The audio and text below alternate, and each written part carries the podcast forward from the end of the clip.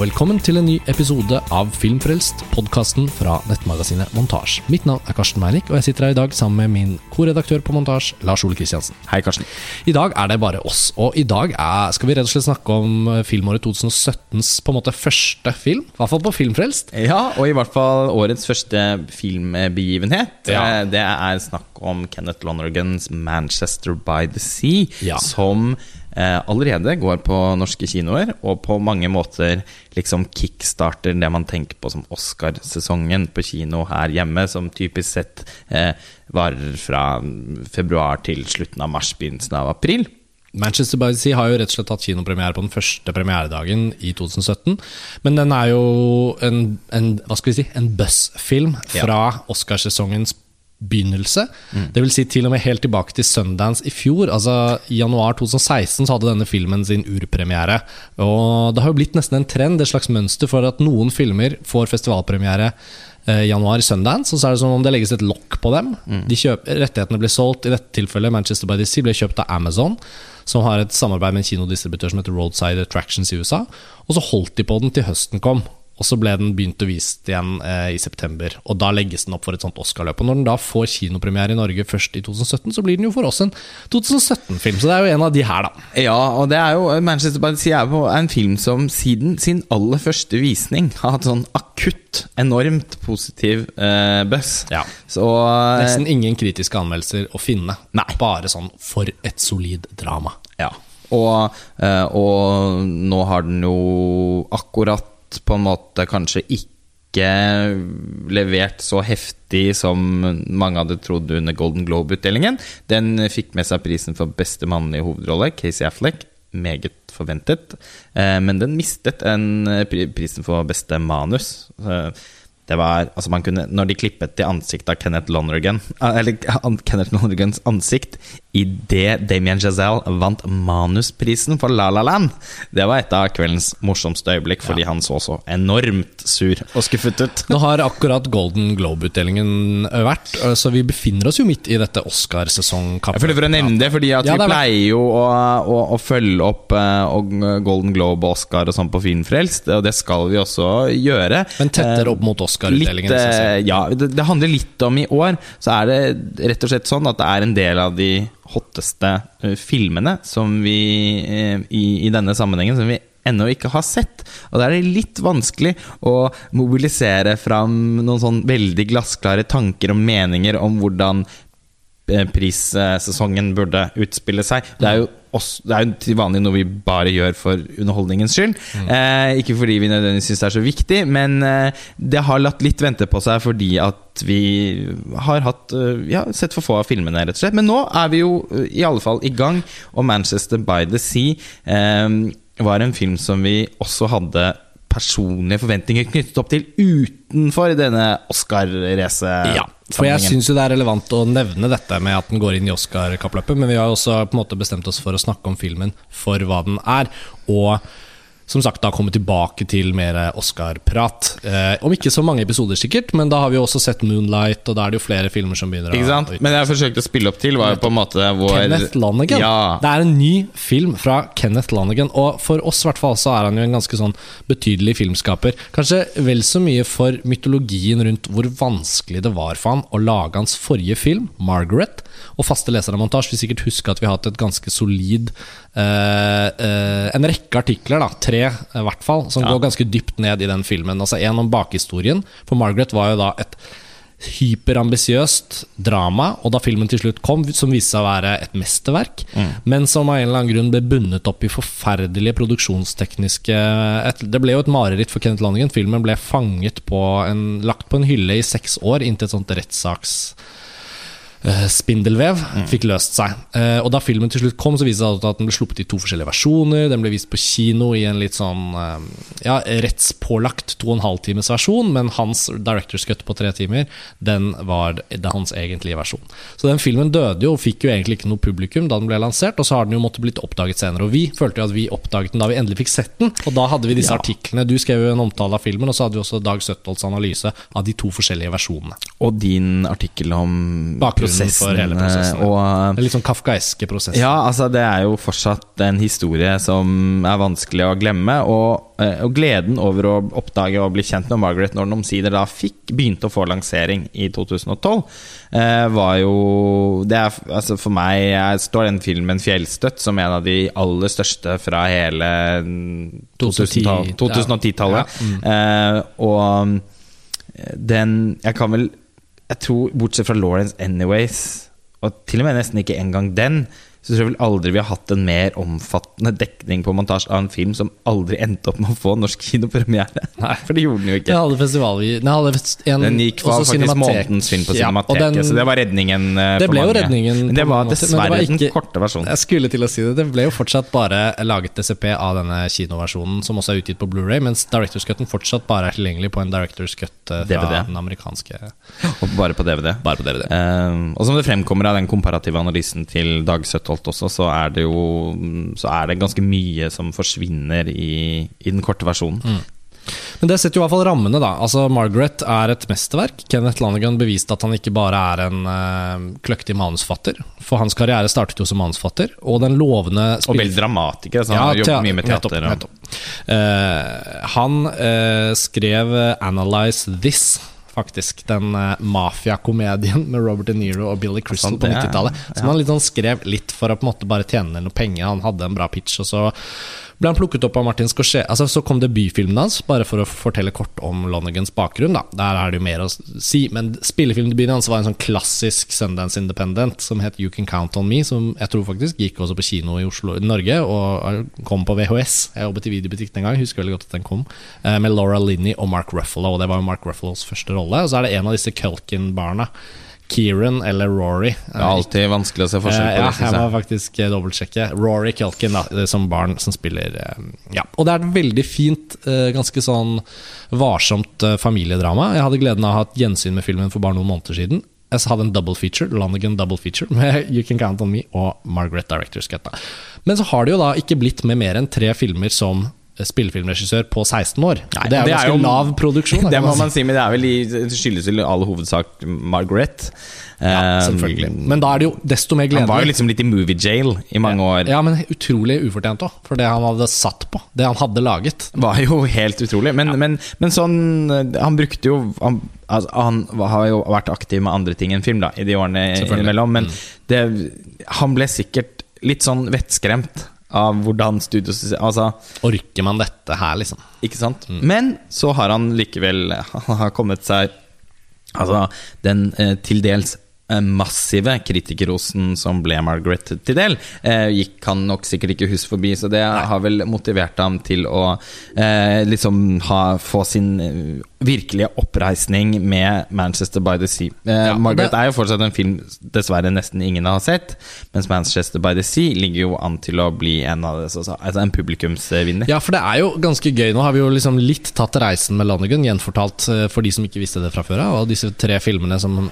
har brukt litt for mange år på seg, i hvert fall den midterste, da, Margaret. Men så er det også litt gøy med Manchester by the Sea, fordi det var jo ikke utgangspunktet en film som Kenneth Lonergan faktisk selv skulle regissere. Dette var et prosjekt som havnet i hendene på Matt Damon. Og Matt Damon var jo da, som mange av disse ambisiøse, litt smarte skuespillerne, en fyr som tenkte at han skal få sin regidebut selv en dag. Så, ha, så tanken har faktisk vært uh, at Matt Damon selv skulle spille hovedrollen og ha regi på den. Uh, og på en eller annen måte så falt dette fra. Jeg tror det var kollisjonen med The Martian, faktisk, som også skulle gå i opptak, og så hadde Matt Damon bundet seg.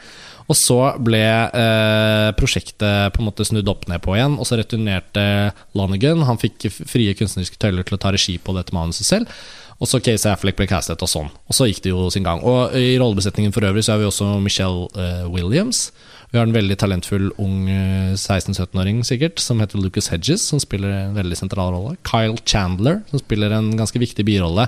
Um, det er han, eh, Kyle Chandler. De som husker hvem han er, de kan ta han på navn. Men dette er altså han fyren som også var i Wolf of Wall Street. Spilte han FBI-agenten som var på hælene til Leonardo DiCaprio. Som spiller ektemannen til Ja. Eh, Carol i Carol. Ja, og som har sett, ja, ansiktet har sett i så utrolig mange filmer. Eller i TV-serien som jeg ikke husker navnet på nå, som gikk på TV3 på 90-tallet, om en fyr som fikk morgendagens avis på, på døren hver dag.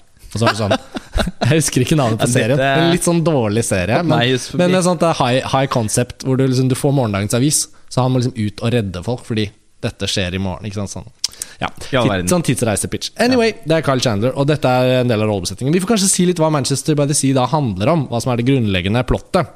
Lars Ole, du pleier å gi meg den oppgaven. Ja, jeg syns du er mye bedre på det enn meg, så jeg, Eh, hvis du er komfortabel med å ta rollen denne gangen, ja, så vi, jeg kan, vi kan også si til lytterne at det er jo på en måte et par småting ved filmen som kunne være litt sånn spoileraktige. Jeg foreslår at vi unngår de tingene, sånn at man kan lytte på denne episoden uten å måtte, måtte beskytte ørene sine. Uh, vi skal ikke gå inn på ting som på noen måte er ødeleggende, men jeg mener dette er en type film hvor det ikke er spesielt ødeleggende. Det er ikke egentlig en sånn spoilerfilm. Nei, men jeg må innrømme at ettersom jeg selv ikke visste Det er, det er en Altså, eh, Ja, er- har jeg tror vi tenker på den samme Eh, hendelsen. Ja, det er en hendelse i filmen som jeg syns var verdifullt å ikke vite om på forhånd. Vi kan beskrive hendelsen på en vag måte, fordi eh, hendelsen er både Altså både en del av filmens kvaliteter og kanskje til og med svakheter kan knyttes opp mot den hendelsen. Så vi er nødt til å touche innom den, men vi Ja. gjør det så vagt at det likevel blir en overraskelse. Selvfølgelig, for de som er mest sånn hårsåre på spoiler, Ja, så kan de jo bare vente. Det er ikke så farlig. Men uansett, Manchester by the Sea er et drama. Et skikkelig drama. Ikke et subsjanger sånn drama ditt, drama datt. Nei, det er en rent drama. Et drama for voksne. Doesn't make them like that anymore. Altså, det er ikke mange dramafilmer i dag som ikke tilhører en subsjanger. Det er coming of age-drama. Det er et, altså, eh, den er bare et Bare drama. drama. Eh, Altså, sånn, helt sånn retrospektiv fortellerteknikk. Ja. Eh, altså, det er virkelig så drama som det kan Ja. få blitt. Og så vil jeg si at dette er en film som er et drama, og det er et drama om familie. Det er et drama om sorg. Det er en drama om på en måte å komme til en form for erkjennelse av hvem man egentlig er. Og hvilket ansvar forsone seg med seg seg med seg selv. Nettopp. Det var godt sagt. Se, du kan dette du også, Lars Ole. Ja, men det var dette med å Eh, oppsummere ja. som handlingen. Ja. Jeg okay, føler kort, alltid kort, at jeg kort. roter meg vekk når jeg nei, skal gjøre det. Veldig omstendelig. Vi kommer oss til plottet. Hovedpersonen Lee Chandler er en mann i slutten av 30-årene som ser ganske sliten og herjet ut, men ikke sånn overdrevent. Ikke at han, han nødvendigvis er en alkoholiker eller sliter med rusmisbruk, og sånn, men han bare virker trist og deprimert og lei, lei av livet litt. Han jobber som vaktmester i en, et par bygårder i Boston.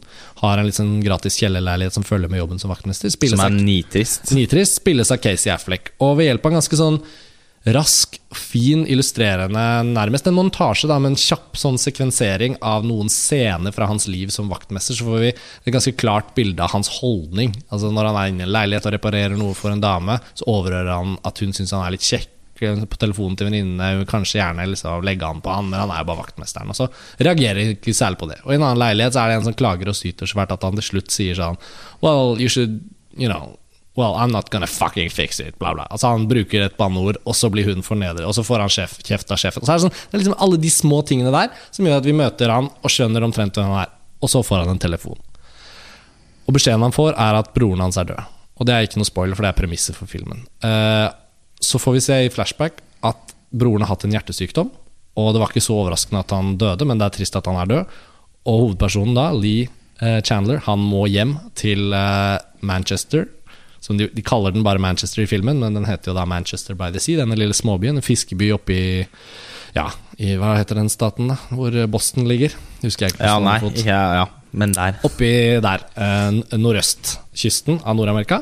Og så eh, går han og snakker med venner, sin nevø Patrick, som da har mistet faren sin. Og han må ta seg av begravelsestekniske ting, hvordan det skal ordnes med arv, hvem som skal bli vergen for denne gutten. Det er jo åpenbart for han selv også, at her får jeg en del ansvar i hendene mine. Og broren har fortalt om noe av det, men det er også noen overraskelser som venter i testamentet. Og det er på en måte premisset.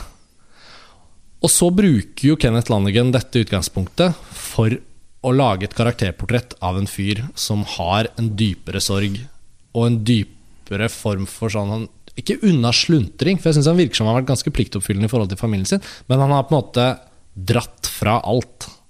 Og vi begynner å skjønne etter hvert hva det er han har gjort. Og det møtet mellom han og, Og det virker som han ikke har Altså han har ikke noe Han er veldig sånn lukket inn i seg selv. Det virker ikke som han har noen noe særlig venner.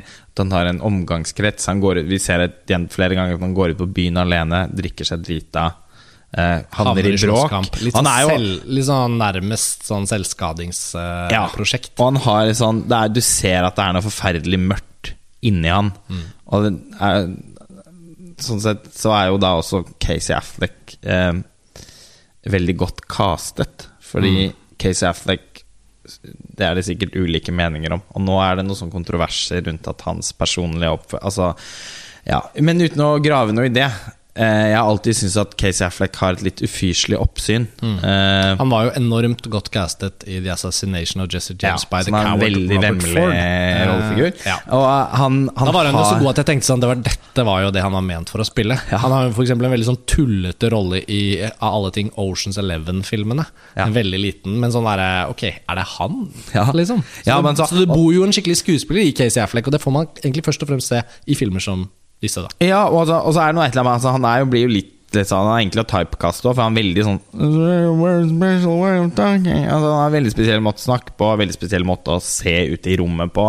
Uh, og som sagt, han har noe sånn her, vemmelig over seg. Som, du, han ser ut som han er liksom, på en måte full av faen. Men, på, men også på en sånn Uff, hvordan kan man hjelpe han?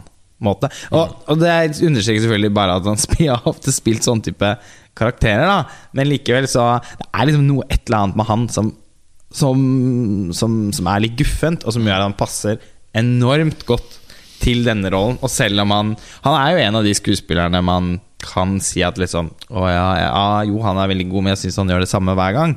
Men i denne filmen så eh, Det var ikke en ny Casey Affleck vi møtte, men det var definitivt en versjon av Altså, det er utrolig god match mellom rollefigur og skuespiller, i hvert fall. Mm. Ja, nei, jeg er helt enig, og, og vi har jo også å gjøre sånn som man skjønner når man hører det plottet. Altså, det er jo et, et sånt drama som um, Ja, ok, så hvis man har sett uh, Atome Goyans uh, Søte ettertid, tenkte tenkt også på det. eller ikke, ikke egentlig, da, men ok, hvis vi drar med The Ice Storm eh, som jo, det er, også en per, det er jo mer en periodefilm. Det er jo ikke en periodefilm her i dette tilfellet. Selv om vi får flashbacks som kanskje beveger seg over en 10-15 års periode, så er det liksom aldri et poeng. nummer Eh, men, men Den søte ettertid, eh, The Ice Storm, Manchester by the Sea uh, En litt sånn døll film som The Shipping News med Kevin Spacey, som jeg husker fra 15-16 år siden. Det, altså, det er noe med disse filmene som foregår der oppi der, da.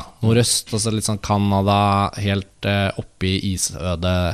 Dramaer om sorg, forknytte personer som holder ting inne. Denne filmen skriver seg veldig inn i den tradisjonen. Og så, og så føler jeg likevel at du kan jo spotte en del sånne humoristiske og litt sånn lekne Lonerganismer.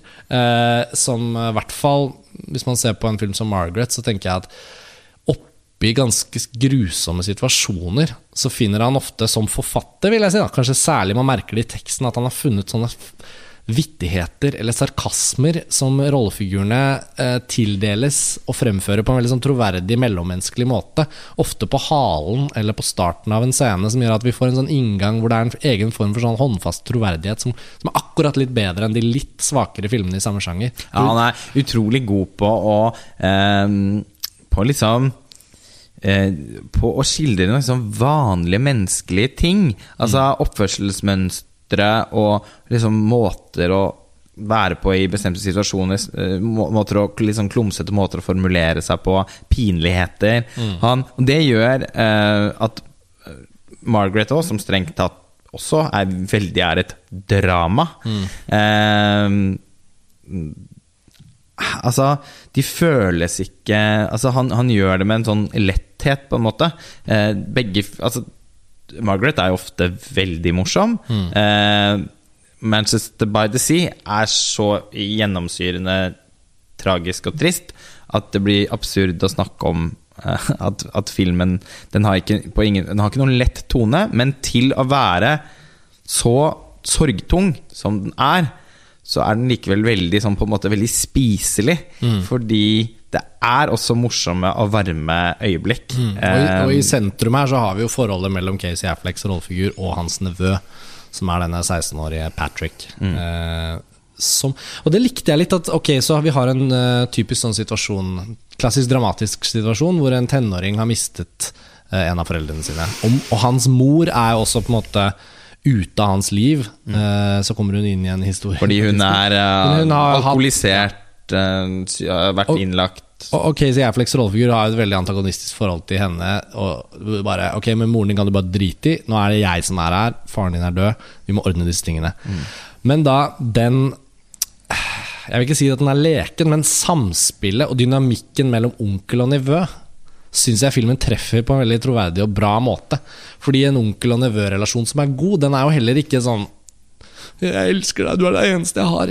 Den har også noe sånn litt køddete over seg, fall. Ja, skildrer- ligner jo mer på to brødre. ja, og en litt kul onkel som ikke er for gammel. Som kan være litt sånn Og det får vi jo se også i noen scener som ser tilbake fra da han eh, Patrick var yngre. da Ja. Hvor han Casey Affleck er en veldig sånn varmhjertet onkel. De er ute med fiskebåten for Mm. han storebroren som da nå er død.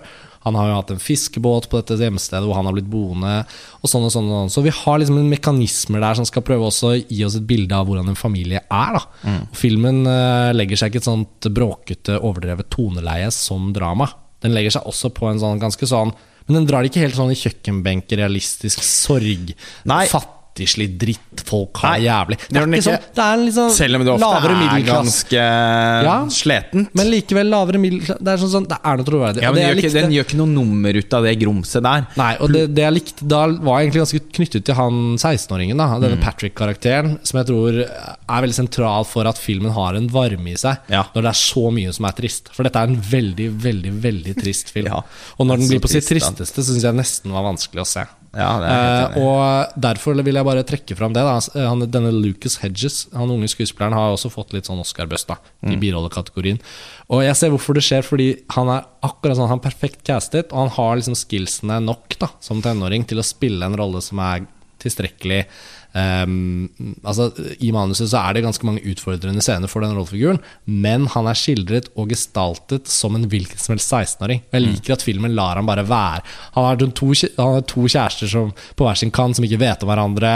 Han er litt hypp på å få ligget med dem, for han er liksom kommet dit. Han har et band. Han sånn, sånn, så han har liksom et liv som pågår. Ja. Og han er lei seg helt eh, det, altså, han, han, han, han, han, det er ikke det, han tar ikke lett på tapet av sin far. På ingen som helst måte. Nei. Og han forstår veldig godt hvilke implikasjoner det har for hvordan hverdagen, hverdagen hans skal være i årene framover.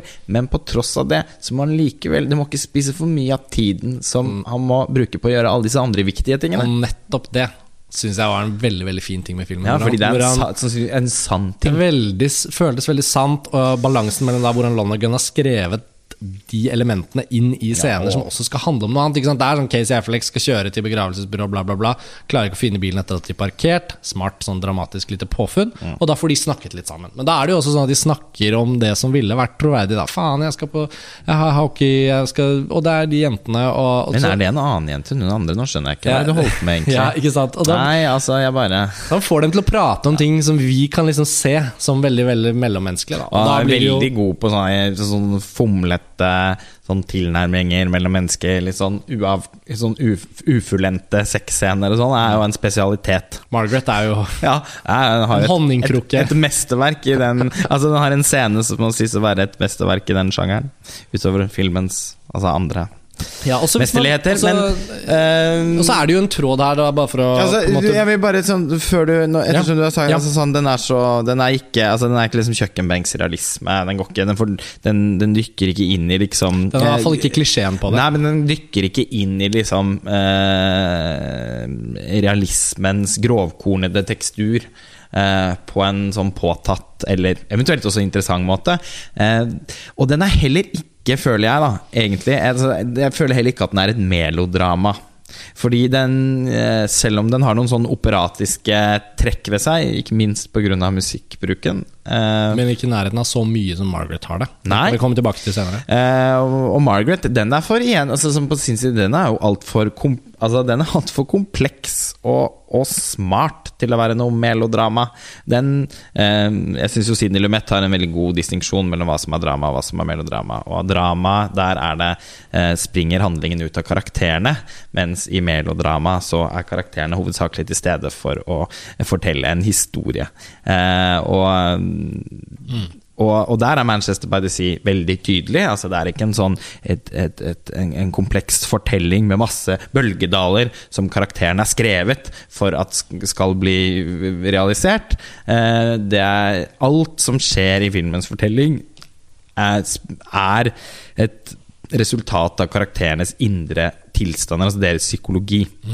Casey Affleck er jo der den, en helt klart definert hovedperson.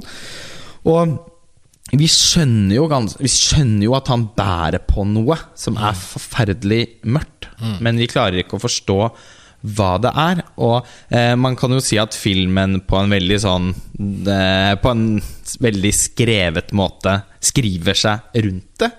Men samtidig så er, en, er det en hendelse som ligger såpass langt tilbake i tid at for de menneskene som han omgås med til vanlig, og det er stort sett bare mennesker som han kjenner godt, vi får se han sammen med i filmen, bortsett fra når han er på bytur og drikker seg full og Ja, de slåss. eh, beboerne i bygningen helt Ja, på starten. Men Det er jo på en måte bare for å skissere hvem han er. Ja, så, øh, så, Så de- er det de I de situasjonene så er det også type Det er naturlig at det, er ikke en ting som, at det ikke er en ting som blir tatt opp eller snakket om. For når vi får vite hva det er, så skjønner vi også Altså da blir på en måte Hadde du tatt opp med han, på en måte? Ja, Eh, nei, fordi det da er ikke.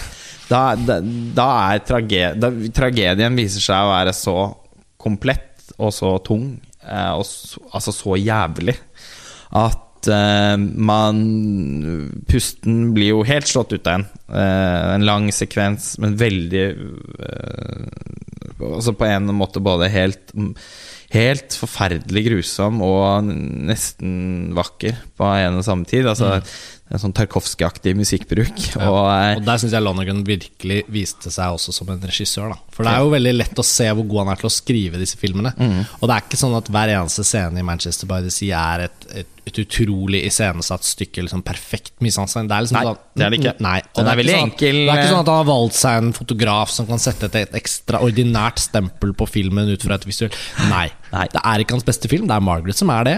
ja, altså, denne filmen er, er jo da Ja, det kan vi Men den er jo på en måte liksom ikke helt Ja. i nærheten av det Margaret men- Det er fordi, først og fremst fordi Margaret ut Altså sånn Det er mye mer Han utforsker filmens filmspråk Altså, ja, Ja. Det, ja, vi kommer tilbake til det. Ja, men i hvert fall for den sekven, hva Jeg skulle bare egentlig skyte inn i forhold til den sekvensen du kommenterer, som vi da ikke skal konkretisere og si hva er, men, Mm, men der er det jo sånn at det er der i denne filmen vi kommer nærmest hva Lonergan holder på med når han virkelig prøver å være en filmskaper. Mm. Og, og jeg syns også måten det er ja, Jeg vil egentlig bare si at jeg er enig i det du sier, ja, for jeg skal ikke gjenta det. Men han klarer å la den hendelsen eksistere troverdig uten at han sier hva det er, til et langt stykke ut i filmen.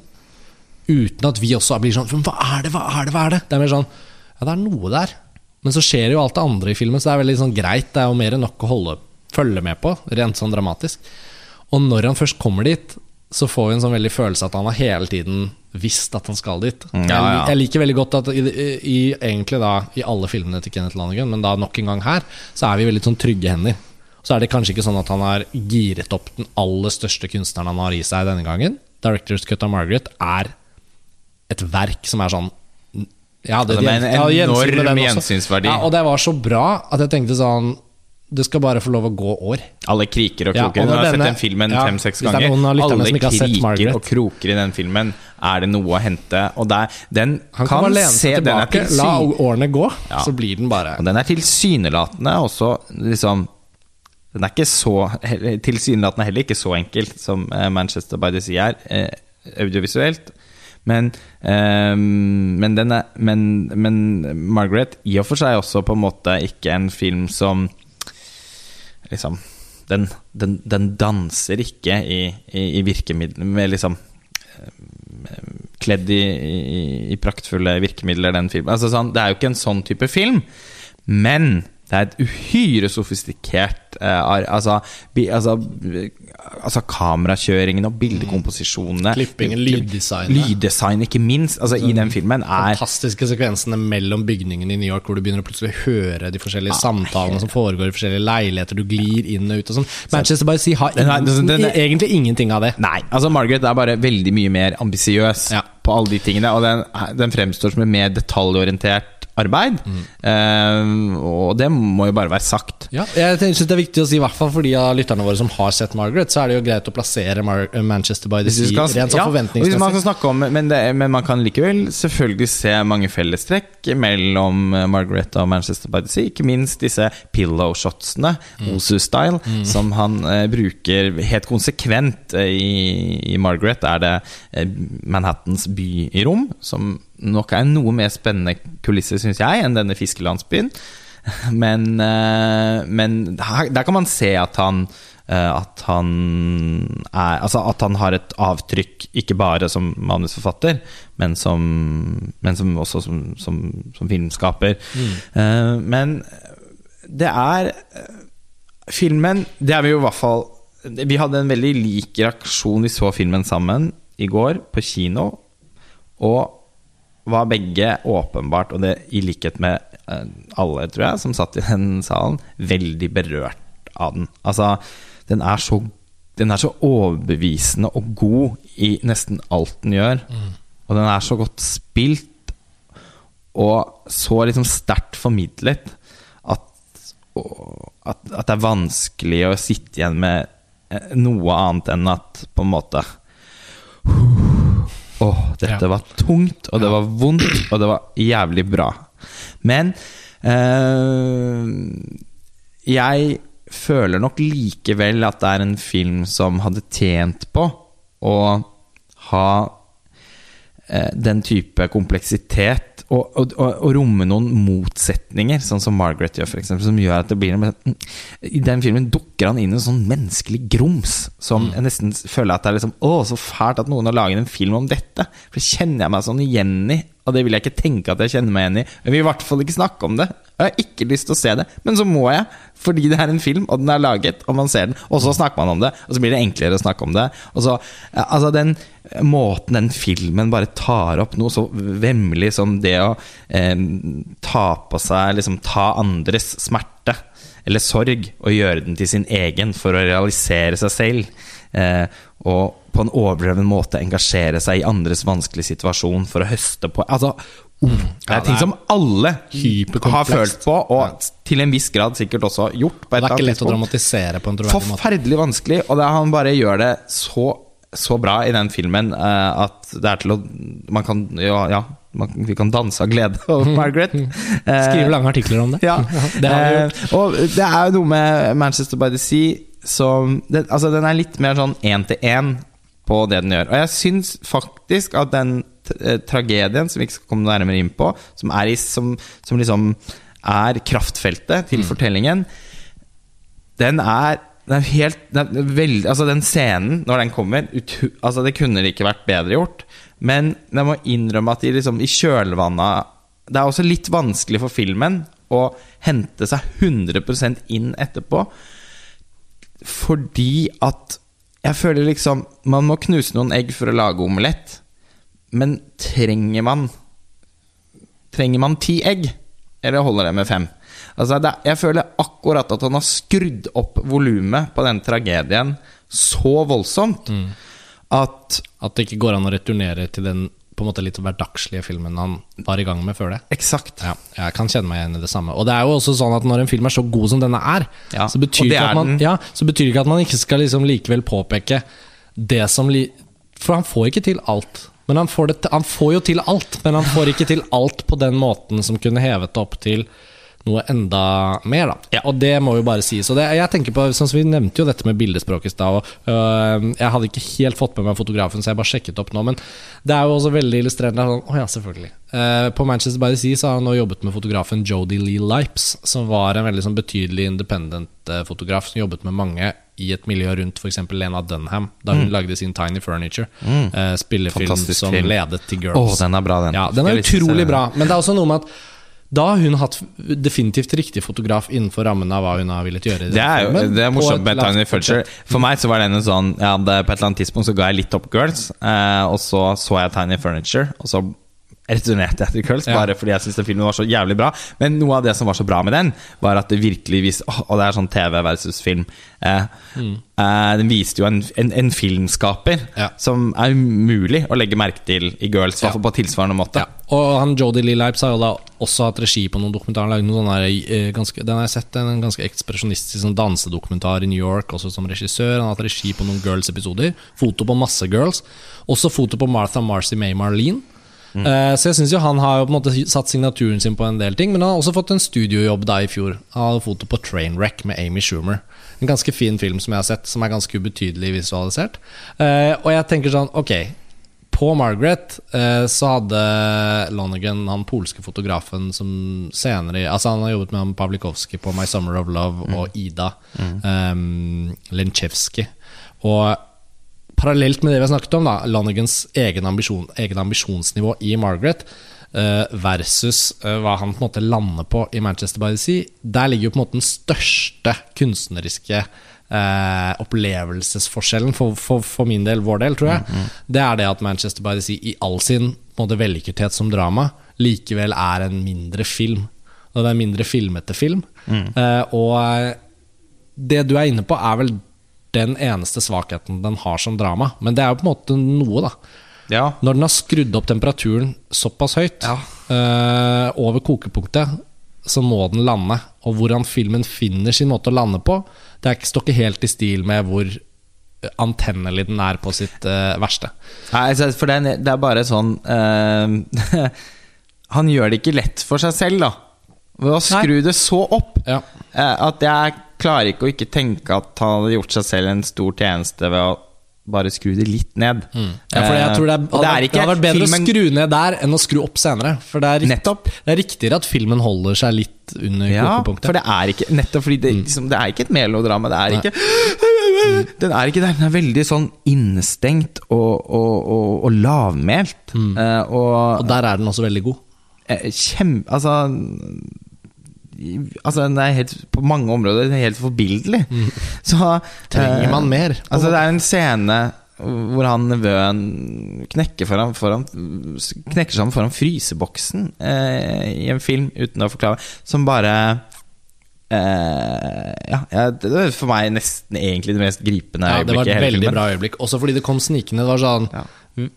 Han hadde jo sett farens døde kropp, så det var sånn Nei, ok, greit, sett den går. Og det er, Og det, er en, og det er en sånn type sorgreaksjon man kan kjenne seg igjen i, fordi man har Ja. sett andre som gjennomgår tøffe ting, ha en sånn Han har hevet seg over det, egentlig. Ja. Og så har han jo Og bare- selvfølgelig ikke i det hele tatt kommet over det. Og så bare kommer det. Der. Nå, der. Ja. Altså Sånn er det med alle som, som, som fortrenger sorg. Så plutselig så kommer den og bare wow, biter deg i nakken. sånt det er, dumt bilde, et eller annet som dukker opp her, i dette tilfellet. At han ikke får de der eh, frysevarene inn i fryseboksen igjen, og så blir det for mye fryseboks. varene som faren har kjøpt Ja. før han døde. Og så ligger faren i en der- på likehuset. De der, og det er et par andre scener som Om Mm. ikke de ligner, så er det i hvert fall et par sånne veldig høykvalitetsscener som er små scener. Mm. Som vokser underveis, og så boom, plutselig skjønner du at oi, nå kom det et stort dramatisk øyeblikk. Mm.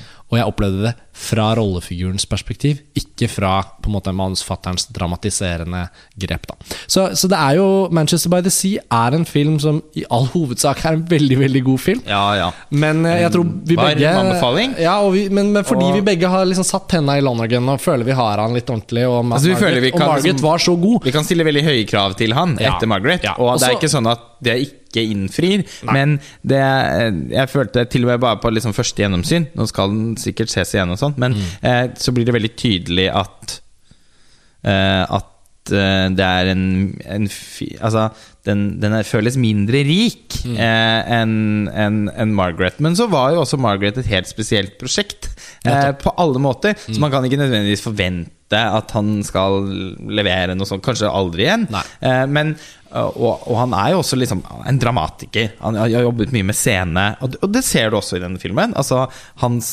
eh, det, det er Det er manus Altså, det er hans Altså hans arbeid som manusforfatter og hans instruksjon av skuespillerne, som er filmens litt sånn urkvalitet. Mm, enig.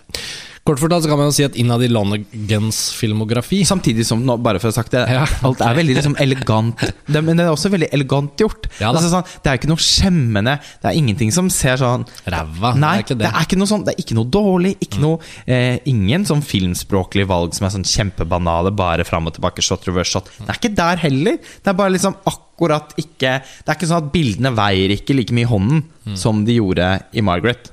Og som, sånn som levende bilder kan gjøre når de er som aller mest spennende, da. Det var egentlig en bedre formulering enn jeg hadde planlagt som avslutning. Eh, fordi vi er på slutten av episoden nå. Vi har bestemt oss for å prøve å holde oss til halvtimen. Det gikk selvfølgelig ikke, men litt over halvtimen. Ja. Eh, avslutningsvis så kan vi jo da bare returnere til det vi sa i innledningen. At her har vi å gjøre med en film som er en, eh, en av da ja, et knippe da på fire-fem Oscar-favoritter når denne sesongen eh, strammer seg virkelig til i februar.